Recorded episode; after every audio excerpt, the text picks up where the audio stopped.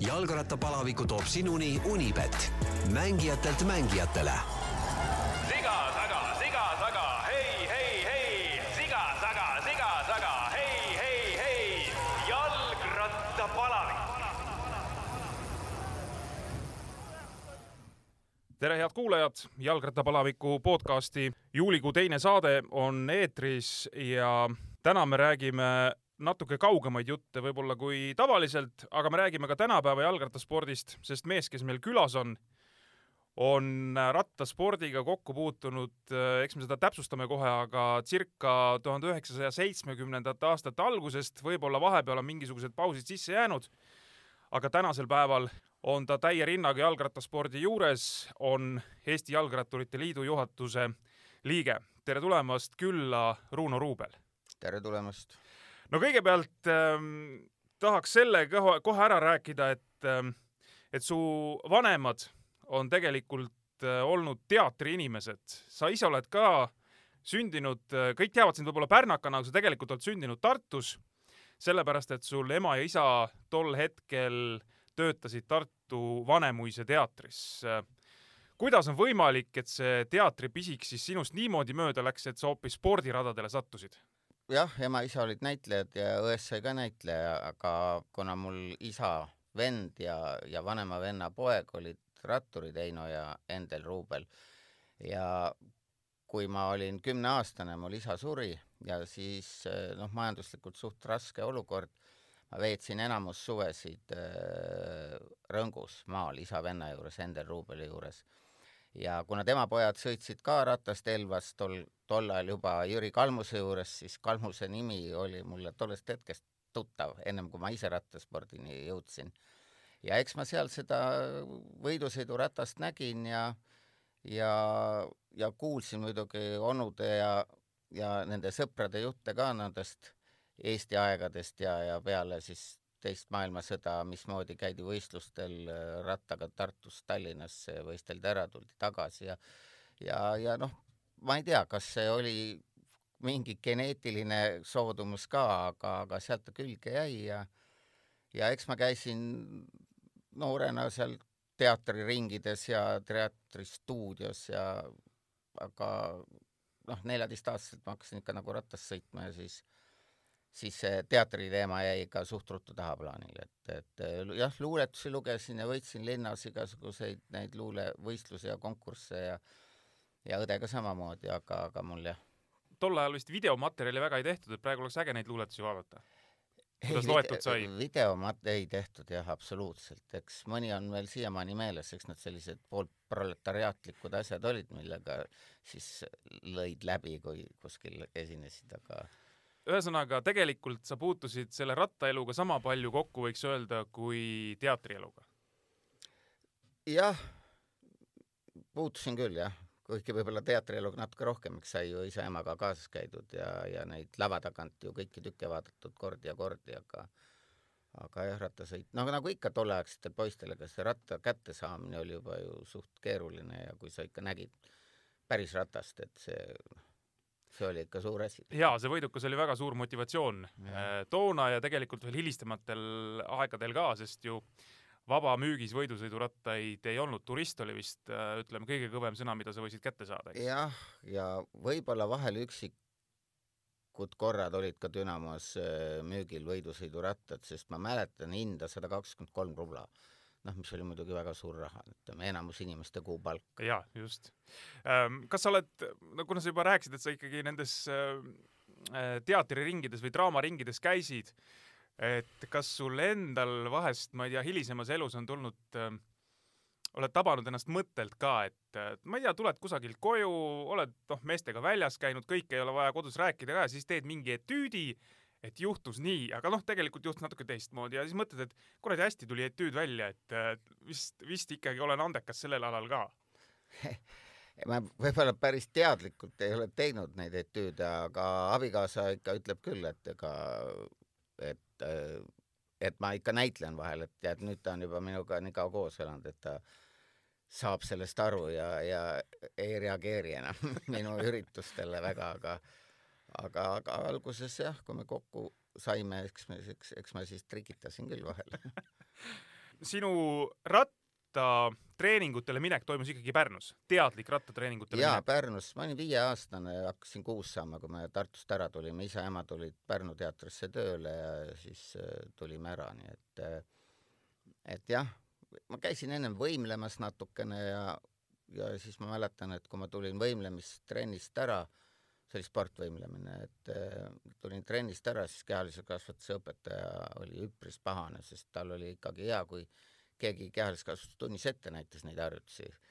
Ja, ja siis ta oli ikka üpris pahane, aga noh, aasta pärast hakkasid tulemused tulema, siis ta ikka leebus ja ma olen sinu endaga vestlusest aru saanud, et, et tegelikult ega see trenni minek nüüd nii ludinal ei läinud rattatreeningutele minek, sest a la kohad olid täis või, või liiga noor olid, kui sa tahtsid minna, et seal oli mingi mure, et sa alguses ikkagi noh, umbes käisid ukse taga kraapimas, aga, aga kohe nagu löögile ei saanud. ma ei olnud liiga noor, minu vanuseid oli seal trennis ka, aga lihtsalt oligi kohad täis ja, ja, ja kuna ma siis üritasin minna, ma olin kolmeteistaastane, läksin siis seitsmendasse klassi ja ja, ja, ja sügisel noh, nii kui kool hakkas, maalt ma olin tulnud Rõngust ja siis ma läksin jah, ja siis oli Ants Seret oli treener ja Toivo Kalpus oli ka just tol hetkel eh, treener, nii et me kolisime või nad kolisid just äsja sinna Kalevi staadionile, kus siis kogu minu teadlik elu on see rattabaas olnud. ja, ja siis oli neid minusuguseid oli veel seal ukse taga, et me lükkasime, ma mäletan, mootorratast käima, treeneritel tollal autosid ei olnud, olid külgkorraga mootorrattad ja no siis mulle öeldi, et kuule, et krossi hooaeg hakkab, et tule siis, tule talvel tagasi, siis kui hakkavad üldkehalise treeningud ja et noh, siis vaatame kevadeks. no ja siis ma kuskil novembris läksin ja, ja sinna ma jäin. aasta oli siis tuhat üheksasada seitsekümmend kolm, eks? jah, seitsekümmend kolm läksin sügisel. Jeret ja Kalpus, ma arvan, olid suht mõlemad värskelt, üsna värskelt jätnud rattasõidu maha. jaa, jah. käisite, nad käisid teiega pidevalt sõitmas või kuidas ei, see oli? ei, ei käinud äh,, ei käinud Ants kordagi sõitmas ja Kalpus käis jooksmas meiega kaasas. Tema võttis siis need noored tulijad enda hoolde alguses ja, ja, ja käis jooksmas. sa nüüd ütlesid, seitsekümmend kolm jõudsid sina sinna baasi Kalevi staadioni tribüünide alla siis ütleme või sinna kõrvale, siis mina jõudsin sinna kaheksakümne viiendal aastal, ma nüüd noh, korra põikan nii-öelda enda aega. Ja kus ma kuulsin esimest korda Runo Ruubeli nime. ma ei tea, me olime seal baasis, kas läksime treeningule või midagi ja siis üleval konksu otsas rippus üks jooksupaar. Öeldi, et need on Runo Ruubeli jooksud. et kellelegi kas võistlusteks oli vaja anda või midagi, sa vist tundus, et sa olid nii-öelda la-, laenutanud neid siis nii-öelda kellelegi, et kas sa mäletad, mis jooksud need võisid olla, öeldi, et imekerged jooksud, ma ei mäleta, kas me katsusime ka neid või, või meil ei lubatud, aga sinunimelised jooksud igal juhul seal üleval rippusid. no see, need jooksud Harkovis toimusid iga aasta sellised võistlused nagu äh, Salatoja Kaljassa, need olidki siis noortele või juunioritele, ma nagu ei mäleta, et noored oleks sõitnud ja ja, ja mul seal oli siis kaks võistlust, üks oli grupisõit ja, ja teine oli siis äh, kriteerium. nii et äh, grupisõidu ma võitsin ja, ja sain siis need nii-öelda kuldsed jooksud sealt endale, mis olid siis tollel hetkel Nõukogude Liidus äh, valmistatud jooksudest tõesti jah, kõige kergemad, aga no nad jäid ikka kaugele Campagnolast maha ja Shimanot tollal veel ei olnud. aga nad olid ikkagi sellised jooksud jah, mida treeningul alla ei pandud ja ja kriteeriumis ma olin teine ja siis sain nagu nii-öelda need tavalised hõbedased jooksud, aga nad olid kuidagi need pöiad kergemaks tehtud ja uhutud või nagu nad nimetasid neid. Nikkelkodarad ja, ja niisugune nagu vähe teistmoodi jah kaheksakümmend viis ju sa ise enam ju rattaspordiga selles mõttes kokku ei puutunud, sõidu mõttes, eks? viis ma jah, peale EPA-t, kuna ma EPA-l spordist loobusin, siis peale EPA-t olin poolteist aastat sõjaväes ja siis, kui ma sõjaväest tulin, siis ma hakkasin juba triatlonit tegema, nii et aga räägime alguses ikkagi veel selle rattaspordi asja ära, seitsekümmend kolm treeningutele tulemused, sa ütlesid, hakkasid kiirelt tulema ja, ja päris suured tulemused siis võib öelda, et tuhat üheksasada seitsekümmend seitse või? Nojah, seitsekümmend kolm läksin, seitsekümmend neli esimene selline tulemus oli, olin Cindy Krossil teine vist, äkki Virgo Usin isegi võitis, kuigi ta oli minust aasta noorem. ja seitsekümmend kuus me sõitsime Jerevanis trekki ja ma sõitsin neljas kilomeetri saja viis kuusteist ja, ja millegipärast oli see tollel aja kohta nii, nii hea aeg, et mind kutsuti siis juba nagu sügisel liidukoondise nii-öelda tervisekontrolli või, või Moskvas ma käisin seal, see oli siis juunioride koondis või noortekoondis veel? see oli ikka juunior. juuniorid juba jah, sest järgmine aasta sa olid juunior, jah eks?, Mhm. jah. ja, ja noh, sealt ta siis juba seitsekümmend seitse ja seitsekümmend kaheksa ikka juba tulid tulemused. Äh, vaatan seitsekümmend seitse liidu meistrivõistlused Jerevanis, juunioride meistrivõistlused siis äh, kakskümmend viis kilomeetrit eraldi starti, sa olid neljas. enne kui me räägime sellest tulemusest, siis kuidas tol ajal üldse võistlustele mindi, kuidas Eesti juunioride koondis läks NSV Liidu meistrivõistlustele Jerevani? seal oli niimoodi, et enne seda olid mingid trekivõistlused ka, et äh, kuna ma sõitsin nii treki kui maanteed, siis me olime seal juba eelnevalt kohal, aga ma ei mäleta, kas need noh, treeningpäevikust järgi vaatama, et mis võistlused need trekil olid, igatahes me sõitsime, me olime Jerevanis päris pikalt, igatahes kolm-neli nädalat kindlasti. aga Jerevani minek oli ikkagi lennukiga jah mm -hmm., lennukiga Tallinnast Moskvasse, Moskvas ümber istumine, siis tuli teise lennujaama sõita ja ja, ja alguses käisid ju need Il kaheksateistkümned propelleritega lennukid, mis hirmsalt mürisesid ja, ja väga kaua lendasid ka.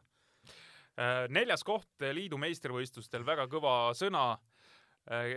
toona võitis, lihtsalt vaatan, Oleg Logvin, selline mees, valgevenelane, kes siis hiljem tuli olümpiavõitjaks, sa kaotasid talle kahekümne viie kilomeetri distantsil ainult kaheksateistkümne sekundiga.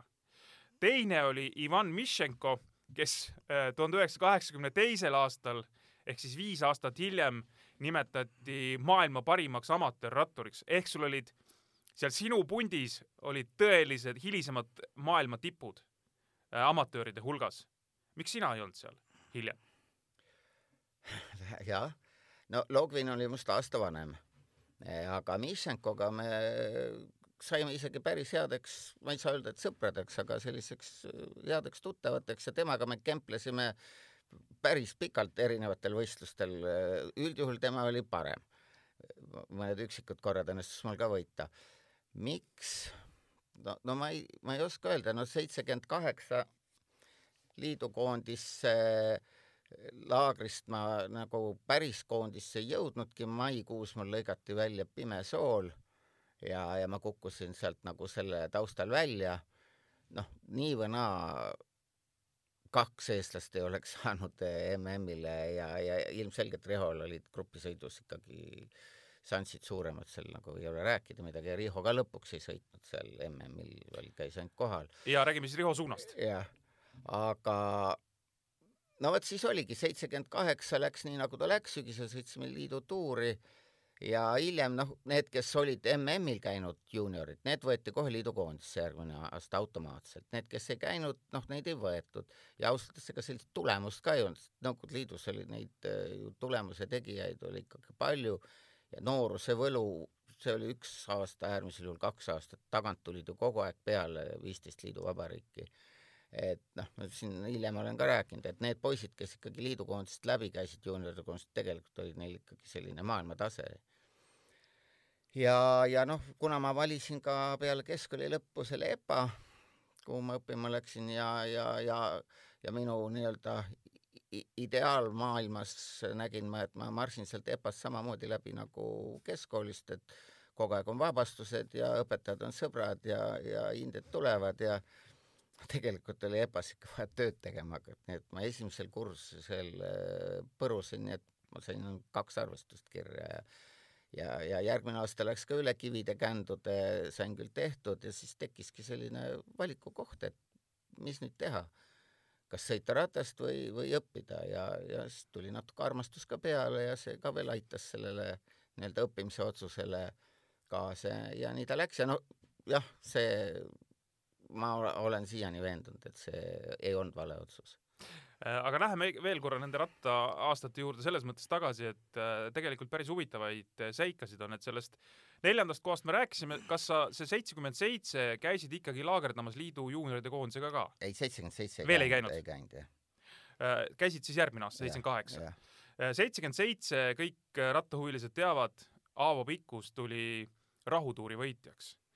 kas äh, noh, kõik ma ei tea, nooremad äh, ratturid, sina ka ikkagi veel juunior, kõik Jaa. tahtsid saada Aavo Pikkusid, eks ole? absoluutselt, absoluutselt kõik meie vanused, kes vähegi liikusid või vähegi, kellel oli nagu šanssi ratturiks saada, no kõik nägid ennast vaimusilmas rahuturi vähemalt pjedestaalil, kui mitte võitjana, et eh, see oli kindlasti, ta oli ikka selline iidol, et eh, kuni tänase päevani ausalt öeldes, et ka müts maha selle mehe ees, et Sa- et jah, sa oled temaga sõitnud koos ka liidu tuuril lausa. Aastal tuhat üheksasada seitsekümmend kaheksa, sina olid veel juunior.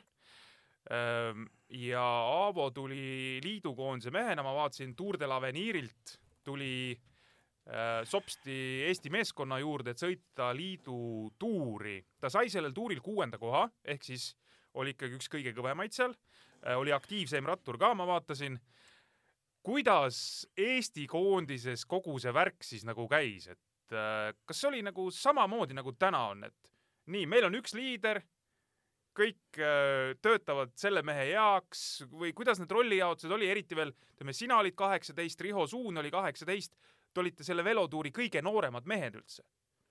jah, ei no Aavo oli ikka meist nii palju üle, et ega tema aitajat ei olnud tegelikult kellestki.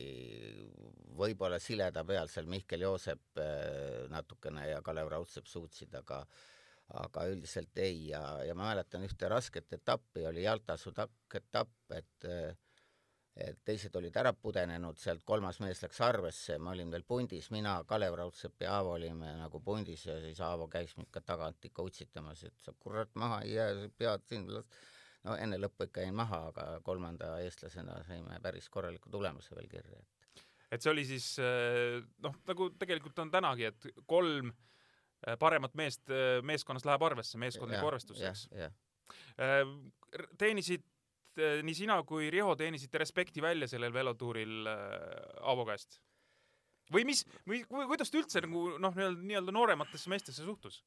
oi, Aavo suhtus äh, noh, väga sõbralikult, ütleme niimoodi, et tema ei oma koondisekaaslaste või eestlastega käitus ikka nagu sõber või, või, või noh, nagu hea eeskuju, et, et see mingit niisugust üleolekutunnet ei olnud ja, ja, ja kõik ju tahtsid ka tema seltskonnas olla ja ma tean, kui Aavo ju maja ehitas, me olime seal Tartus juba, kui vähegi võimalik oli, käisime seal appi tal kive tassimas või, või midagi kaevamas ja ja, ja, ja siis, kui Aavo tegi ju liidukoondise juures juba fotosid, tal olid need fotokastid kaasas ja siis me käisime seal tema juures tegemas neid ja hiljem hakkasime ise Arulaga tegema ja ja et ei, ta oli jah, ta oli igas mõttes eeskuju. ja just see võitlusvaim, mis temas oli, see nagu kiirgas igalt poolt. ma vaatan seitsmekümne kaheksandal aastal äh, või okei okay,, räägime tegelikult selle tuuri lõpuni selles mõttes, et sa tuuri lõpuni sõitnud, Riho Suun ka ei sõitnud, Riho vist kukkus seal, aga sinu võttis treener Rein Kirsipuu teadlikult äh, paar etappi enne lõppu maha, et noored mehed endale liiga ei teeks no.. nojah, ja tegelikult ega see, see etapp, kui mind maha võeti, ega see oligi juba niimoodi, et noh, mägesid enam ei olnud tulemas, olidki siledad etapid, kaks viimast vist seal Kertsi poole ja ja, ja kiirused olid nii suured, lihtsalt ei kestnud pundis ära ja siis Rein võttis maha jah, ja minu tollane nii-öelda Kalevi treener Olav Holman üldse arvas, et et see oli liig, et nii noorena üldse nagu sõitma pandi, aga noh, ma täna jälle ei kahetse, et seda sai tookord sõita jaa, millised mälestused? jah, ja tegelikult pidi Ljadov ka veel tulema tuurile, aga, aga ma ei mäleta enam, miks ta ei tulnud, igatahes kohale ta ei ilmunud ja ju siis keegi meist oleks pidanud välja jääma, et ma ei tea, kes see. tuhat üheksasada seitsekümmend kaheksa sa oled võitnud kevadel Suhumis NSV Liidu kriteeriumisõidu meistrivõistluste esimesel etapil niinimetatud olümpiareservi arvestuses esikoha. räägi nüüd äh, tavainimesele ka ära, mis asi see on? See oli selline naljakas moodustis, see olümpiareserv, et eh, see oli siis kuni kahekümne ühe aastased eh, sportlased võistlesid seal. ega ta väga pikalt ei hoitud seda vanuseklassi, aga tookord ta oli jah, ja kuna kõik Eesti koondislased olid Raul Oja ja, ja Kalev Raudsepp ja kes seal meil veel olid siis, Mihkel Joosep ja kõik olid, mahtusid sinna vanuseklassi, siis meil oli väga tugev, tugev meeskond ja, ja, ja tegelikult me tegime seda, mis täna teevad profid. eh, rong vedas nii-öelda liidrit, noh, kuigi ma tegelikult ei olnud liider, aga mul oli vaja eh, võita või vaja vähemalt eh, kolme hulgas olla, et kindlustada oma kohta liidu koondises ja ja siis täpselt Joosep Oja, Raudsepp vedasid, Veeranna Jaan vedasid lahti, mina istusin nende taga ja minu taga oli veel Mallor Türna, kes siis ei lasknud kedagi mind segama, nii et No politseinik nii-öelda jah, politseinik mm -hmm. jah. ja, ja üks ring enne finisšit võeti hoog ülesse ja, ja, ja ausalt öeldes ega keegi välja ei tulnud, et, et noh, allamäge oli finiš ka, et sealt nagu ei olnudki väga, seal oli vaja lihtsalt et see õnnestus, see taktikaliselt õnnestus ja, ja ja, ja noh, ju ma ise ka natuke ikka jõudsin tol hetkel, aga mis see liidu koondises laagerdamine tähendas? kas äh, juuniorid olid juba stipendiumi peal ka? ei, ei ei, ei mm, -hmm. ei, ei. stipendiumid äh, maksti siin Eesti Kalevist, ma olin Kalevi spordiühingus ja siit ma sain ja talongid ja ja, ja väikese, väike taskuraha ja, ja et, et jah. aga tähendas see mingit paremat varustust, tähendas see paremaid laagritingimusi? no laagritingimused kindlasti paremad ja varustus ka jah, nii palju, kui ta tol ajal oli, et ega meil mingit välismaa varustust ei jagatud, aga noh, Arkovi Champions-Osseed ja ja noh, kes MM-ile läksid, need muidugi said siis juba, juba rattad, tol hetkel tulid esimesed Shimano öö, osadega Jaapani rattad minu arvates. niisugused hästi helerohelised, ilusad olid. Äh, tuhat üheksasada seitsekümmend kaheksa oli rattasport nii kõva, et Eesti NSV ministrite nõukogu esimehe asetäitja Arnold Kreen aastalõpu ettekandes, kus siis vaadati tuhande üheksasaja kaheksakümnenda aasta Moskva olümpia poole, tõi nimeliselt välja andekamad noorratturid, eks loomulikult Aavo Pikkusi tulemuste valguses ja et meil tuleb ka head, head nii-öelda järelkasvu. ja seal siis toodi välja Riho Suuna, Runo Ruubeli, Veiko Kukko nimed. Käisite mingil hetkel õlad laiali linna peal ringi ka? ei, seda kindlasti mitte. Pärnu parimaks noorsportlaseks mind valiti küll seitsekümmend kaheksa ja aga ei, seda ei olnud, see oli ikkagi nagu mingi vaheetapp, millest tuli noh, nagu edasi minna, see oli, see oli, ma ei tea jah, kuidagi loomulik elu osa. aga kui sa oled seitsekümmend kaheksa, sa oled eh, liidu juunioride koondises, tõesti paari aasta pärast on olümpia, käisid mõtted läbi peast? ei käinud, ei käinud? ei käinud. Et, et reaalsus oli ikkagi silme ees, ja, jah? ja, ja ei, seal ei olnud, noh, sa nägid ju, mis tase tegelikult ees on ja kui kui, kui Aavot ei arvatud olümpiakoondisse, sest ma, minu arvates nad Loogviniga võitsidki seal mingi paaris sõidu enne olümpiat ära ja teda ikka ei võetud koondisse, mida meil seal ei olnud nagu mingit, noh, seal ei olnud kohta unistamiseks ka. tuhat üheksasada seitsekümmend üheksa sa ka ikkagi täiel rinnal äh, sõitsid ja, ja käisid korra veel liidutuuril. Jah, aga tol korral äh, oli juba see, et seal ütleme Eesti, Eesti NSV tiim, siis päris paljud head mehed olid laiali igal pool Dünamo Dünamos ja, ja, ja kus ma siin vaatan veel ametiühingute meeskonnas ja, ja nii edasi. et äh, seal sa pidid olema juba siis, kuidas ma ütlen, noh, kui esimene kord oli, ütleme, et noh, debütant, noor mees, vaatame, kuidas läheb, siis seal sa pidid olema sõidumees juba. jah, jah, aga noh, tegelikult ikka veel ei olnud, oleks pidanud või vähemalt oota, oodati rohkemat äh, kindlasti. Äh, aga meeskond ühe etapivõidu seal sai, eks? et Mallor Türna võitis etapi. jaa, Mallor Türna võitis jah, see oli üks etapp, ma, mina seal vist kukkusin. nii et ma linnaringidele ei pääsenud äh,, jäin maha, aga aga Türna tegi jah, võib-olla oma elusõidu sellel etapil. kuidas vanasti, me tänasel päeval näeme, et äh, ratturid õhtul teevad vahuveini lahti laua ääres, kõlistavad, kui mingi võit tuleb. no liidu tuuri etapi võit tegelikult, ütleme Vene süsteemis oli ikka kõva sõna. mis seal tehti? ei tehtud küll midagi, absoluutselt.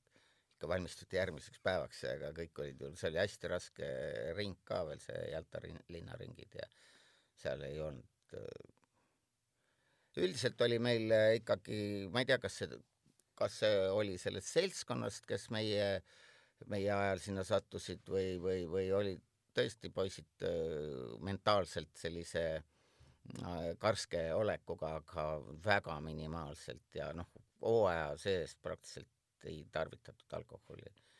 ja eks see respekt Rein Kirsipuu ees oli ka ikka nii suur, et ega keegi ei julgenudki lollustega tegeleda.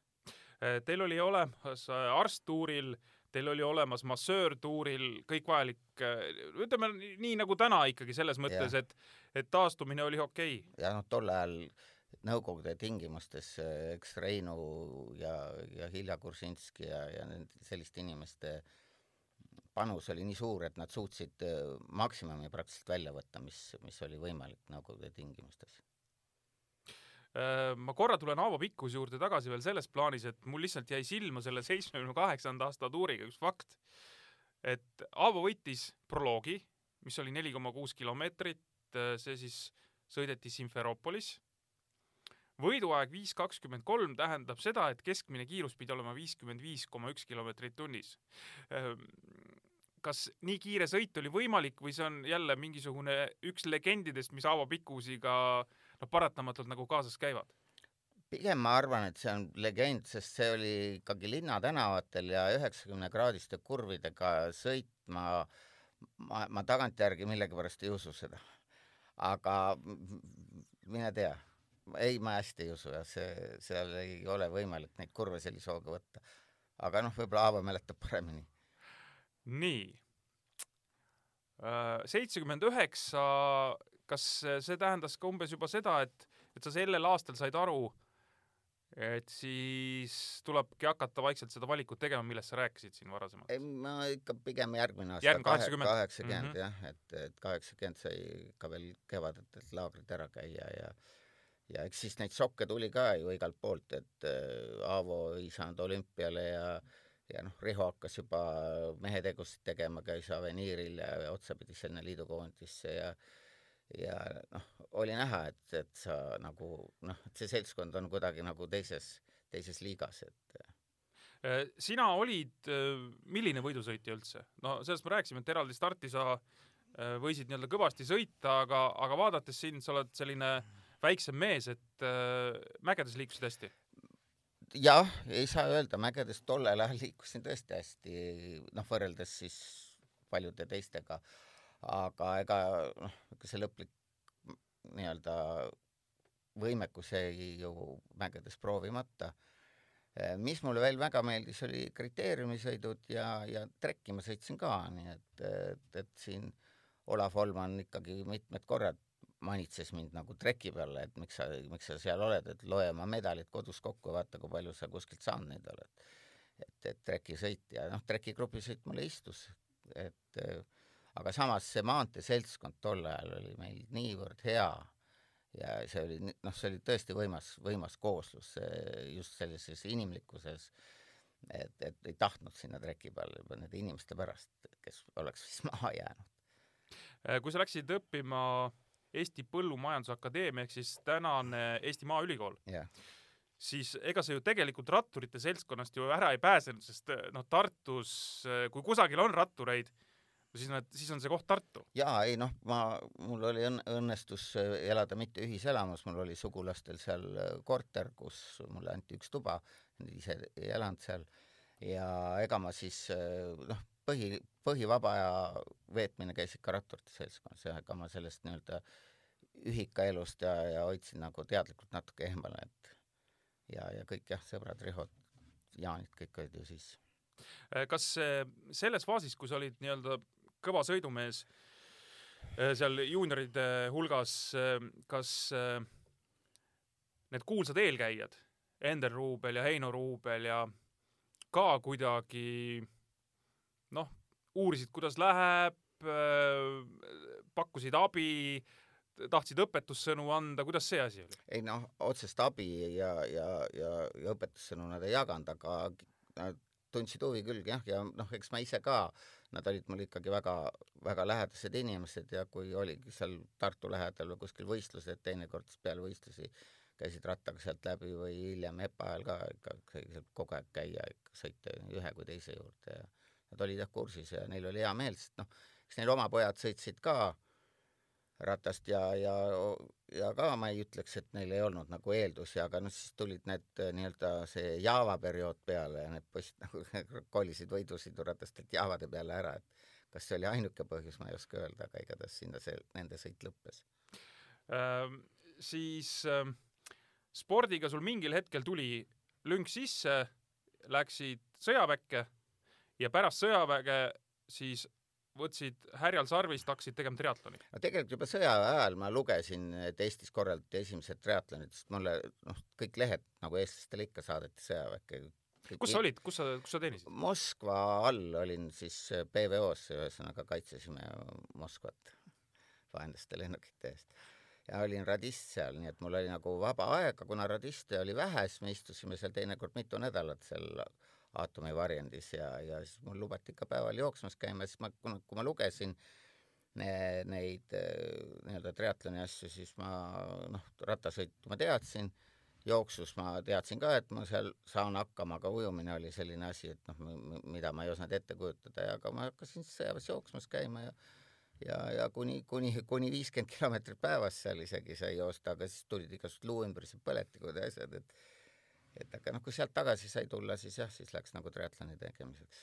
aga see spordipisik, see ikkagi kusagil siis peab nagu sees olema, et, et no päris, ma ei tea, niisama lihtsalt või tõesti nii igav seal sõjaväes, et midagi on vaja teha?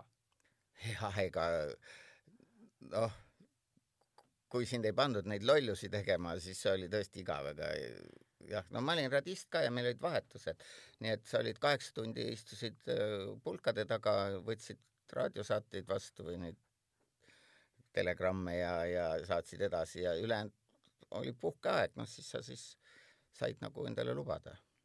ühesõnaga, sa olid heas vormis, kui sa ära tulid sealt? jah, jooksuvormis suht, ma arvan, hea. ja siis, äh, kuidas siin kodus siis pöördusid kellegi poole, et et äh, tahan hakata triatloni tegema ja, või läksid lihtsalt ühele võistlusele kohale ja, ja täpselt, kogu lugu? täpselt nii -huh. jah. et esimene võistlus mis aastanumber siis oli? kaheksakümmend viis suvi, Otepää triatlon. minu arvates ma olin seal teine ja kas äkki võitis Kaljuojast või? midagi sellist, noh, oli, igatahes kolme hulgas ma olin kindlasti ja, ja vist võitis Ojast. ja sealt said ühesõnaga maitse suhu, et tegelikult võiks teha küll seda? jah.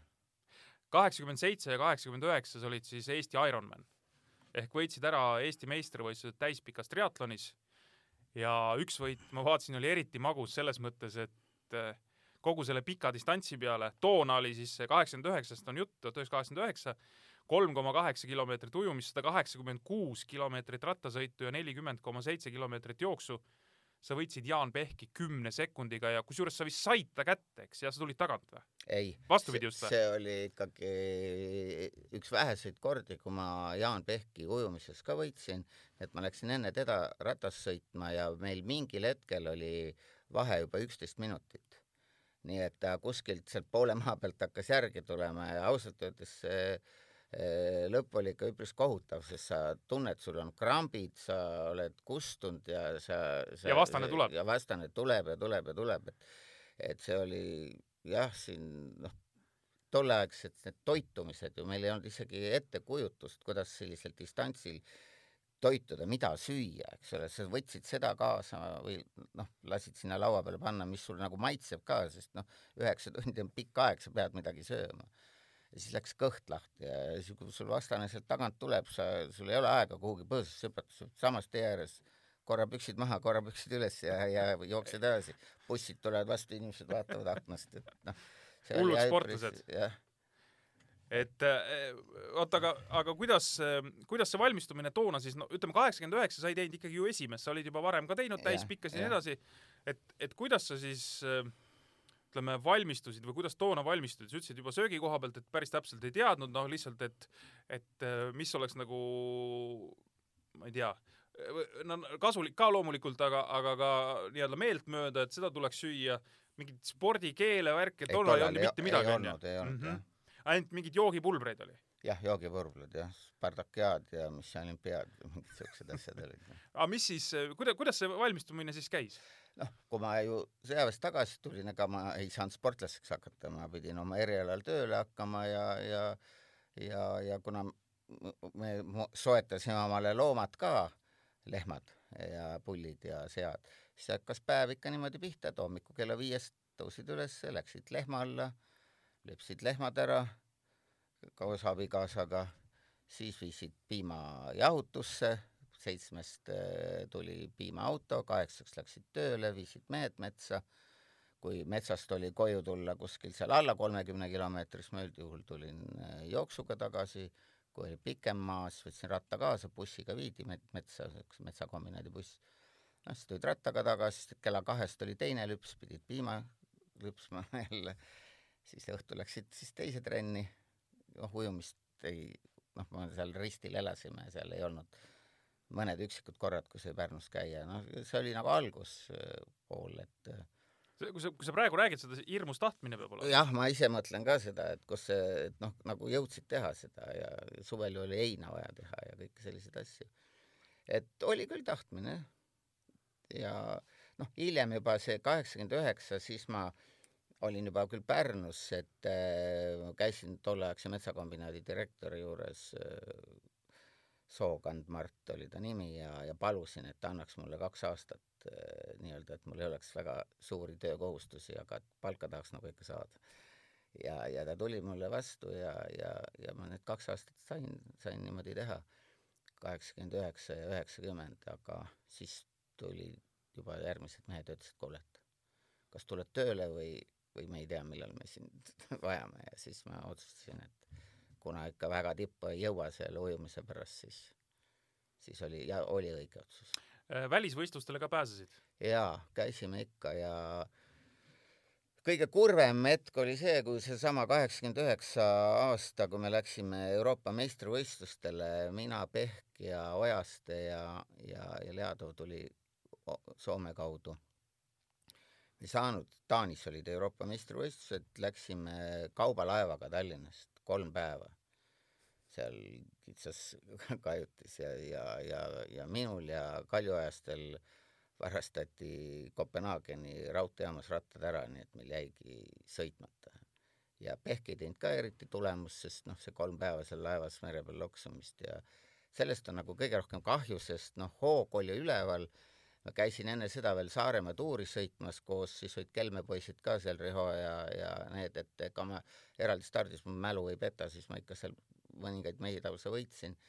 et noh, oleks olnud huvitav teada saada, aga muidu olid jah, igast Rootsid ja Soomed ja ikka olid. et noh, kuskil ta- tavaliselt ma nüüd ka lastelegi räägin, et kui ma ujumisest tulin kuskil sajandana veest välja, rattasõidus mul oli üldjuhul niisugune kümne hulgas aeg ja jooksus kuskil ikka seal kolme hulgas, et jooks oli mul nagu kõige tugevam. et kokkuvõttes sinna kahekümne piiri peale jõudsid, noh, see nagu ei, ei väärinud siis enam hilisemas eas nagu väga pingutamist, et teda ujumist järgi ei treeni. Äh, mul tuleb kusagilt meelde, et, et äh, sa said mõne korra vist välisvõistlusel käia ka jalgratturina, kui sa noh, nii-öelda noorteklassis või juunioride kla- vanuseklassis olid, et äh, ütlesid, et kui Soomes ära käisid, tõid äh, kilekotte ja kinkisid klassitüdrukutele, olid kõige kõvem mees klassis. no nii ta oli jah, tollel ajal olid ju need sellised noh, Soomes suht odavad asjad, aga meil oli ikkagi, ikkagi Defitsiit. defitsiit ja, ja sellega jah, mitte et ma nüüd kangesti populaarsust oleks tahtnud sellega võita, aga aga ek, ek, ek, eks ma jah, natuke mõtlesin nende peale. Aga need olid siis mingid Eesti-Soome maavõistlused või mis need ei, olid? see oli, see oli, ma ei tea, tullivõistlused olid, noh, tull ja, ja Eesti Ametiühingud, noh, Kalevi, Kalevi liini pidi me käisime, et eks me seal suht puhta töö tegime tavaliselt, et et me natukene nagu oskasime seda sõitu ka lugeda paremini kui need Soome poisid, et seal, kui oli vaja üksteist aidata, et siis, siis oli nagu lihtsam. aga see välis, välismaal käimine, see välisvõistlustel käimine, see oli ka ikka väga kõva motivatsioon, eks? noh, see oli, see oli jah, see oli, see oli ülikõva motivatsioon, et äh, muidugi. Äh, triatloni lõpetasid, sa ütlesid siis üheksakümmend? jah, üheksakümmend tegin veel ja siis, siis läksin tööle ära üheksakümmend sügisel, jah. ja siis tekkis mingi paus, ma pean silmas, ma ei tea, jalgrattaspordiga kokkupuutumisel või millal sul järgmine põlvkond äh, rattasõdulasse istus? Noh, üheksakümmend olid nad siis veel nelja ja kuueaastane, et siis oli natuke vara, aga kui nad ikka sellisesse jah, kaksteist, kolmteist olid, siis ikka juba hakkasid sõitma. ja see on nüüd kelle valik, poiste enda valik või isa valik? ma, isa pani nad kõigepealt ujuma, nii et äh, mõlemad poisid said ujumises äh, nii-öelda põhja alla ja ma nagu mõtlesin pigem selle peale, et võib-olla teevad kunagi triatlonit. et äh, Paul läks vist viieaastaselt ujuma ja Raul seitsmeselt või midagi sellist. ja, ja noh, nüüd nad teevadki kah natukene. aga nad ise ikka selle ratta peale mineku valisid mingil hetkel, Äh, käisid Pärnus Kalevi, ikka jah, Kalevis ja kas keegi käis Tsikis ka sul poistest või? mõlemad käisid. Mõlemad käisid, jah? äh, Mhm. Paul käis, küll ta tuli ära, kui ta keskkooli läks, tuli Pärnu kooli tagasi, aga Raul just keskkooli osa oli seal Tsikis ja, ja koos, nad olid ju klassivennad kõik seal, Taaramäed ja Kangertid ja Jermakovid ja Kiburid ja et siuke, neil oli ka väga hea punt, siiamaani sõbrad. just seda tahtsingi küsida, et nad olid, mul on ka meeles, et nad olid samal ajal ja minu meelest nad ju käisid siin ka nendel Euroopa võistlustel kus iganes koos, eks?, jah. vahepeal tekkis papsil või isal lootus, et äh, tulevadki sellised noh, sõidumehed ka, kes jõuavad profileeri. noh, eks väikene lootus oli või, või, või selline jah, eks ma isegi käisin siin Rein Kirsipuu käest abi küsimas ja Rein tegi siin Raulile natukene treeningkava, kui ta võit-, võistles Prantsusmaal ja Raul sai ikkagi kaks profivõitu ka kirja, nii et, et aga siis, kui kaheksakümne kuuendal aastal vanaema suri, siis ta tuli tagasi Prantsusmaalt, ütles, et kahe tuhande kuuendal, kaks tuhat kuus, eks? jah. Ja ma- mina jah, vanaema oli kaheksakümmend kuus, kaks tuhat kuus ja siis ta ütles, et ei, Taaramäe ja Kangertist minust ei saa nende alistajat, et ma nüüd lähen õppima.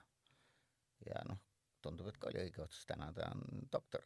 absoluutselt. millal, millal nad selle liini sinna äh, triatloni juurde siis leidsid? Vot seda ma nüüd ei teagi isegi, kuidas nad sinna jõudsid, sest seal enam minu suunamist väga ei olnud, et lihtsalt hakkasid mingil hetkel meelde tuletama või kutsuti neid ka mingisse võistlusesse mingit etappi tegema või kuidagi kunagi Otepääl vaata olid Jah, jah, või isegi tänase päevani on, et on see võistkonnavõistlus, et Jah. üks ujub, üks sõidab rattaga, üks jookseb, eks. jah, sealt ta kuidagi hakkas ja ja nii ta jah. no kõikidest ei peagi saama sportlast kas või selles mõttes sinu näitel, et kui tulevad sellised mehed nagu sina, kes on noh, nii-öelda ikkagi üdini rattainimesed, tulevad, panevad õla alla, toetajaid on vaja, on äh, lapsevanemaid vaja, kes äh, võib-olla suunaks, eks äh, lapsi mingil hetkel rattaspordi juurde. siin on nii-öelda neid, tegelikult see ring on päris lai, kui tuleks ainult sportlased, siis see ala sureks välja. noh, jah, võib-olla küll. ja noh, ega tegelikult ju harrastajaid või ütleme jah, tegelejaid on ju palju ja, ja absoluutselt tippu jõuab ju ka isegi siis, kui kõik oleksid sportlased ainult üksikud. absoluutselt. esikohti jagatakse ikka ainult üks. jaa. siis, kui sul poisid hakkasid äh, sõitma, siis sai sinust ka jalgrattaspordi toetaja või? ei, me tegelikult ikka toetasime juba ennem vaikselt ja, ja, ja, ja toetasime ka pärast, kui enam ei sõitnud poisid, et me, me nagu ei kasutanud seda toetust ainult selleks, et oma poissi aidata. et me siiamaani toetame mina ja Meelis Lipe ja, ja, ja Karo on ikka üks suurimaid Pärnu rattaspordi toetajaid, et eh, ja, ja üritame jätkuvalt miks sa seda teed? kas sa teed sellepärast seda, et äh, on nii-öelda, ma ei tea, austus kunagise treeneri vastu, et, et ta sind ree peale aitas või, või sa tahaksid, et noored millegagi tegeleks või, või miks sa teed seda? eks ta ikka missioonitunne on jah, et, et eks mind ole aidatud ja, ja kui on võimalust aidata, eks me siis äh, üritame seda tagasi anda, mis sa ise oled saanud spordist ja ja noh, eks ikka tore ole ka, kui, kui kellestki midagi tuleb siin Pärnu meestest, et täna on noh, Timo Eeret ka rattasõidust läbi käinud ja, ja teeb väga ilusaid triatloneid, et et noh, see on nagu see tänu, kui sa sellise, sellised asjad vastu saad, et nii- ja niikaua kui võimalust, ega ma siis üle oma võimete ei panusta, et Äh, sa oled tänasel päeval juba vist eelmisest aastast Eesti Jalgratturite Liidu juhatuse liige. ettepanek tehti, võtsid rõõmuga vastu või tahtsid ikka mõelda ka, et ikka mõtlesin pikalt ja, ja põhiline põhjus oli see, et no mi- mida mulle anda on, et et, et, et rahaliselt ma ei suuda rattaliitu toetada, et ma üritame oma Pärnu treenereid ja, ja seda spordikooli toetada, et seal on neid probleeme küll ja küll. et see oli nagu põhipõhjus, aga Raivo Rand ikkagi veenis mu ära ja ma ei kujuta ette, kas, kas sellest oli tal abi ka, et, et noh, jah, mingit, mingit toetusi me oleme siin ühiselt välja võidelnud, aga kuidas sul see rattasport praegu üldse tundub Eestis? Äh, just võib-olla isegi selles vaates, et on ta piisavalt mitmekesine, on meil piisavalt palju sportlasi, on meil rahastamine piisavalt hästi paigas, noh, mis iganes? no rahastamine ei ole kunagi piisavalt hästi paigas, et eh, minu jaoks on võib-olla see rahastamise osas kõige kurvem see, et treenerid ei ole võrdsed pedagoogidega, et, et et noh, seal on ikka päris suur palgalõhe ja, ja päris aus olla, siis teinekord on treener palju suurem abiline noorele vaimses mõttes kui see koolis see õpetaja, et, et noh, mina näeksin, et kui, kui, kui ka kui, kui, kui riik suudaks ka seda teha, et need treenerid ja, ja, ja teised pedagoogid nagu võrdsustada, et oleks suur asi. mis puutub ala arengusse, siis noh, hetkel on ikka rattasõiduseis Eestis väga hea. Kui siseelu ei teaks, siis, siis võiks nagu arvata, et on ülihea, aga aga eks nende treeneritega nüüd, kuna olen Rattaliidu juhatuses, puutun vähe rohkem kokku ja ja eks seal ole neid sisemisi intriige, et, et, et mõnel väga andekal poisil ei kipu jälle tahtmist jätkuma ja, ja mõni on väga isekas ja, ja ja, ja, ja mõnel tulevad kohe vanemad russikatega vehkima ja eks selliseid asju, selliseid asju on seal nii-öelda mida nagu, aga tulemused on ju tegelikult toredad ja ja, ja eks muidugi väga palju panustavad vanemad ka täna, eks see, et kui ikkagi keegi tahab tippu jõuda, siis mingi periood on see vanemate tugi ikka ülioluline. oht on see, et kui liiga noorelt hakatakse panustama ja ootama, siis see noorteklassi edu võib sellise tugeva treeninguga suht lihtsalt tulla, aga, aga mingiks vanuseks lihtsalt vaimselt väsivad noored ära ja, ja ei taha enam teha, leiavad, et elus on muud ka.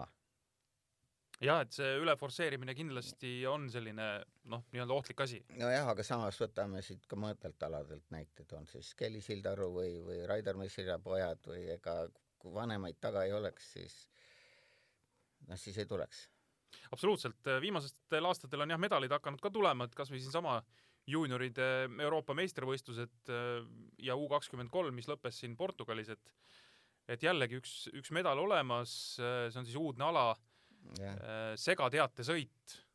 ja kusjuures noh, nagu ma aru saan, siis et vist tüdrukutel olid küll nii-öelda esinumbrid väljas, aga poiste osas oleks võib-olla saanud natukene veel vinti ja, peale keerata, eks jah? seal noh, kuna see ilm oli siis nii kuum, siis neid päris esimesi numbreid eh, hoiti nagu grupisõidu jaoks, aga eks nad seal, kes sõitis ribadeks ja kes oli eest ära ja, ja eks nad seal natukene põrusid, aga, aga eesmärgid olid üllad.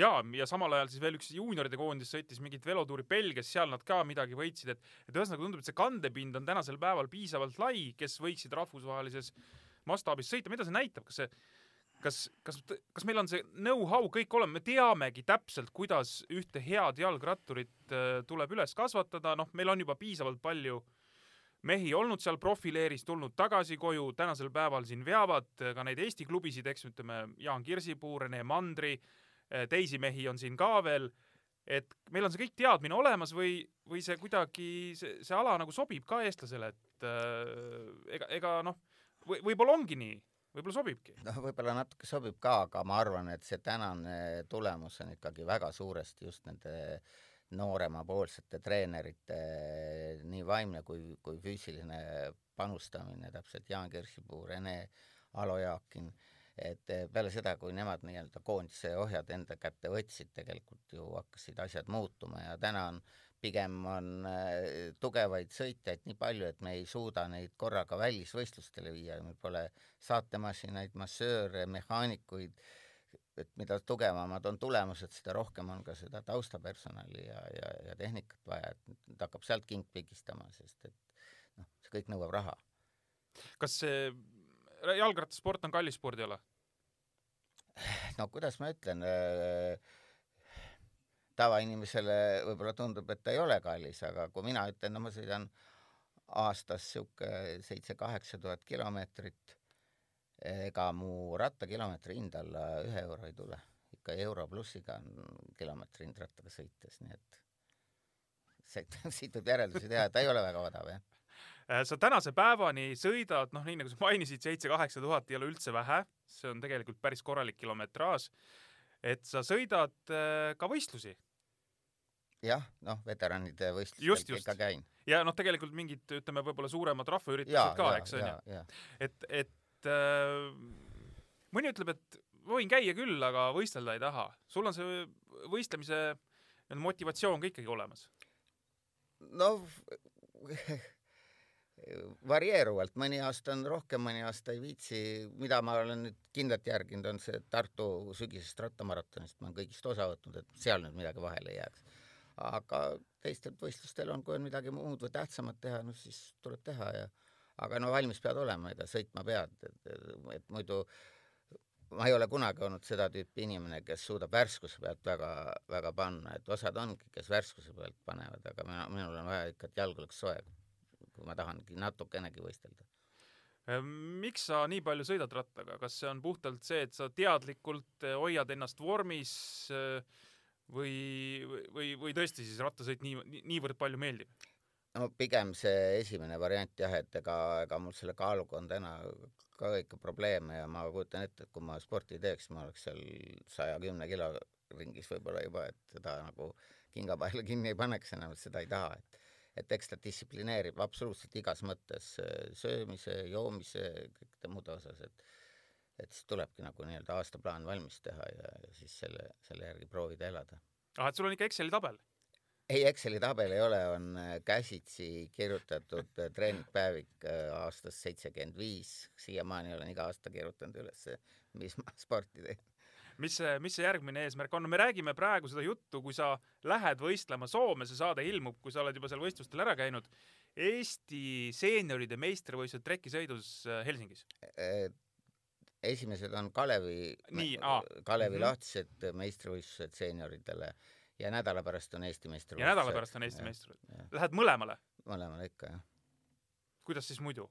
ja ei no see Kalevi omad on natuke nagu soojenduseks või, või saad alad jälle korra läbi teha, et ega sinna trekile ju ei pääse nii tihti, et ja Eestis enam sõidetavat trekki kahjuks pole ja kuhu sa need medalid paned kodus? noh, eks nad seal, eks nad mahuvad. Et äh, noh, trekil on palju alasid, sa sõitsid siin ka äh, eraldi stardi Eesti meistrivõistlusi küll, ma sain aru, ütlesid, et läks natukene halvasti, et sa medalit ei saanudki. jah, neljandaks jäin jah. et äh, rattaspordis alasid on palju ja kui sa kogu aeg käid võistlemas, siis ikka üht-teist koguneb vist. No ikka koguneb jah, ja noh, peale selle on ju need suvenirmedalid eh, seal rattarallidel ja maratonidel ja noh, neid ikka koguneb jah. sa oled äh, olnud ka selle taga, et Pärnusse loodi kunagi äh,, kuidas siis on, ma ei mäletagi, mis see slogan teil oli seal, Püha Loomaaiast ma tahan rääkida, Pärnu spordi, meelelahutus ja meeleheite Klubi. klubi Püha Looma. Püha Loomaaed see eksisteerib siiamaani. see eksisteerib siiamaani jah, eks see mm, klubi liikmete arv on veidi vähenenud ja, ja, ja aktiivsus just äh, võistluste korraldamisel on ka vähenenud, sest et enamus mehi on juba kas kuuskümmend väikse plussiga või väikse miinusega, et et äh, oot-, ootasime nooremaid, ei suutnud neid öö, oma klubiga nii-öelda mm, liita mis iganes põhjused need olid, mitte mingid intriigid, aga noh, ühesõnaga ikka põlvkondade vahe ja noh, vaikselt ootame, et võib-olla Tanel Kangert, kui lõpetab profikarjääri, suudab nooremate inimestega seda Pärnu rattaelu veidi, veidi aktiveerida uuesti just sellistel noh, rahvaspordi ja, ja, ja muude ürituste tasandil. et vaikselt ta juba teeb oma võistlusi. Püha Loomaaed üheksakümnendatel kuskil jah. sai loodud, eks jah? jah. Igasuguseid huvitavaid ettevõtmisi. no kakskümmend viis aastat korraldasime veteranide velotuuri, sellest viimased viis Kihnus. nii et eh, ja peale seda siis otsustasime, et nüüd on nagu see ring täis. ja, ja igasuguseid võistlusi oleme korraldanud ja noh, kaasa arvatud need jõulumäed ja, ja, ja Pärnu tänavasõidud ja ja mitte ainult võistlusi selles mõttes nagu, kus kõik saaksid osaleda, vaid noh, ma ei tea, missuguseid üritusi te seal kõike teinud olete, et et paadiga sõidud. Pärnust jah, paarkümmend aastat liikusime paadiga Pärnust äh, Kihnu äh, Kerkovenega, et äh, neliteist meest sõudi, sõutsid ja, ja viieteistkümnes oli roolis. noh, mõned aastad trehvasid küll, kui me läksime Munalaiust, mis põhjusel siis ilm või, või mida iganes. mm, aga noh, täna ei viitsi keegi enam seda kaheksa tundi seal mere peal olla ja sõuda. Kihnuga sa oled väga tihedalt seotud. jah, noh, täna abikaasa Kihnu kooli direktor ja, ja, ja laps käib seal koolis ja oled siis äh, ütleme suvel suurema osa ajast oled pigem saare peal ma või ei, ma ei saa öelda, et suurema osa ajast, aga üle poole kindlasti ja noh, Kihnu häda on täna see, et, et seal väga, väga sellist tulemuslikku trenni teha ei saa, pigem ikka maastikurattaga või paksude kummidega rattaga, sest teeolud ei, ei võimalda. me hakkame jutuajamist kokku tõmbama Tour de France'i valguses ma tahan küsida kuna siin kunagi enne seda eelmist äh, majanduslangust aastatel circa kaks tuhat seitse kaks tuhat kaheksa käidi välja idee või kusagilt äh, Euroopast tulid mingid mehed siia et lobitööd tegema et äkki teeks Tour de France'i esimesed etapid äh, Eestis praegu oli Taanis hull möll oli Kopenhaagen ja seal nii-öelda edasi sõideti veel mõned etapid. Kas see võiks mingi selline natuke utoopiline asi kunagi teoks saada või noh, kui sa oled praegu ka Jalgratturite Liidu juhatuse liige, need summad on muidugi kosmilised ja ulmelised, aga samas kui oli kuulda näiteks, et et siin tuleb äh, rahvusvaheline tenniseturniir, WTA turniir Tallinnas sügisel ja Tallinna linn käib selle jaoks välja nelisada tuhat eurot, siis äh, võib-olla need rahanumbrid, kui osavalt rääkida ja ära põhjendada, võib-olla ükski number ei ole kunagi suur. ausalt öeldes ma ei usu sellesse, et see noh, rahaline pool, ma arvan, nelisada tuhat ei tee Tour de France'i etapile mitte midagi, see jah, et eh, no seal on miljoneid, seal on ikka miljoneid ja, vaja, ja, jaa. ja kas see, kas see otstarbekus, kui meil ei ole trekki täna või mingit muud, kui saaksime see, see, seda raha kas kuidagi teistmoodi kasutada, aga, aga mine tea, samamoodi nagu tuli ralli maailmaga võist-, meistrivõistluste etapp Eestisse, nii võib kõike juhtuda. Kui on selline võimekas eestvedaja, tuleb siin mingid paar IT-firmat taha, kõike võib juhtuda, aga, aga ma nüüd ei, ma ei näe seda nagu, pole isegi teemaks olnud, et seda nagu väga tõsiselt, pigem seal Tartu ümber, et Tartu saaks selleks nii-öelda jalgrattalinna oma vimplid ja asjad kätte ja seal peab mingit tiitlivõistlust korraldama ja otsitakse võimalust mingit odavamat tiitlivõistlust sinna tuua ja ilma rahata asju ei tee. absoluutselt. nii et ütleme, et, et see on tegelikult, me võime siin kõigest rääkida, aga kui raha ei ole, siis kas siis lõppkokkuvõttes ei ole midagi? no lõppkokkuvõttes ei ole midagi jah, eks see, eks see raha teema, ega kõik ju soovivad, nii sportlased, kultuuritegelased, kõik soovivad, noh, minu sõnum võib-olla olekski seda, et Eesti rahvas peaks olema töötleva tööstuse vastu veidi tolerantsem, et kust see raha mujalt tuleb, kui kui tootmisest, ükskõik siis mis tasemel, aga meil kipub praegu olema absoluutselt igasuguse tööstuse vastasseis. vastasseis nii tugev, et keegi ei julgegi enam midagi pakkuda ja noh, ega siis seda olemasolevat raha ei saa lõputult ümber jagada, ta, ta pole. Äh, mis selle velotreki seis on, seda ka annab lükata või kuidas see tundub, sa oled küll vähe juhatuses olnud, aga ei no lobitöö käib, et, et ideaalis ta tuleb sinnasamasse Piritale, kus ta, kus ta praegu on veidi väiksem, sest tänased rahvusvahelised standardid näevad ette kakssada viiskümmend meetrit ja ja aga noh, kuna ehitus läheb ka järjest kallimaks ja materjalid ja noh, siis ei, ei, ei, praegu veel igatahes seda rõõmsat lõppu ei paista, aga töö käib. töö käib. aitäh, Runo tulemast, et ähm, ma loodan, et rattaelu Pärnus ka jätkub ja noh, kui sinusugused mehed seal nii-öelda õlga all hoiavad, siis äh, ega vist seal pääsu ei ole, et see rattaelu jätkub. no teeme endast parima aitäh ka kuulajatele, selline oli siis jalgrattapalaviku saade, täpselt tunnike, nii et äh, kes on rattasadulas ja kuulab, siis äh, olete tunniga sõitnud, noh, ma ei tea, kolmkümmend kilomeetrit äkki no umbes nii umbes niimoodi. Aitäh kuulamast ja järgmiste kordadeni! siga, siga-saga, hei, hei, hei, siga-saga, siga-saga, hei, hei, hei, jalgrattapalavik. jalgrattapalaviku tõi sinuni Unibet, mängijatelt mängijatele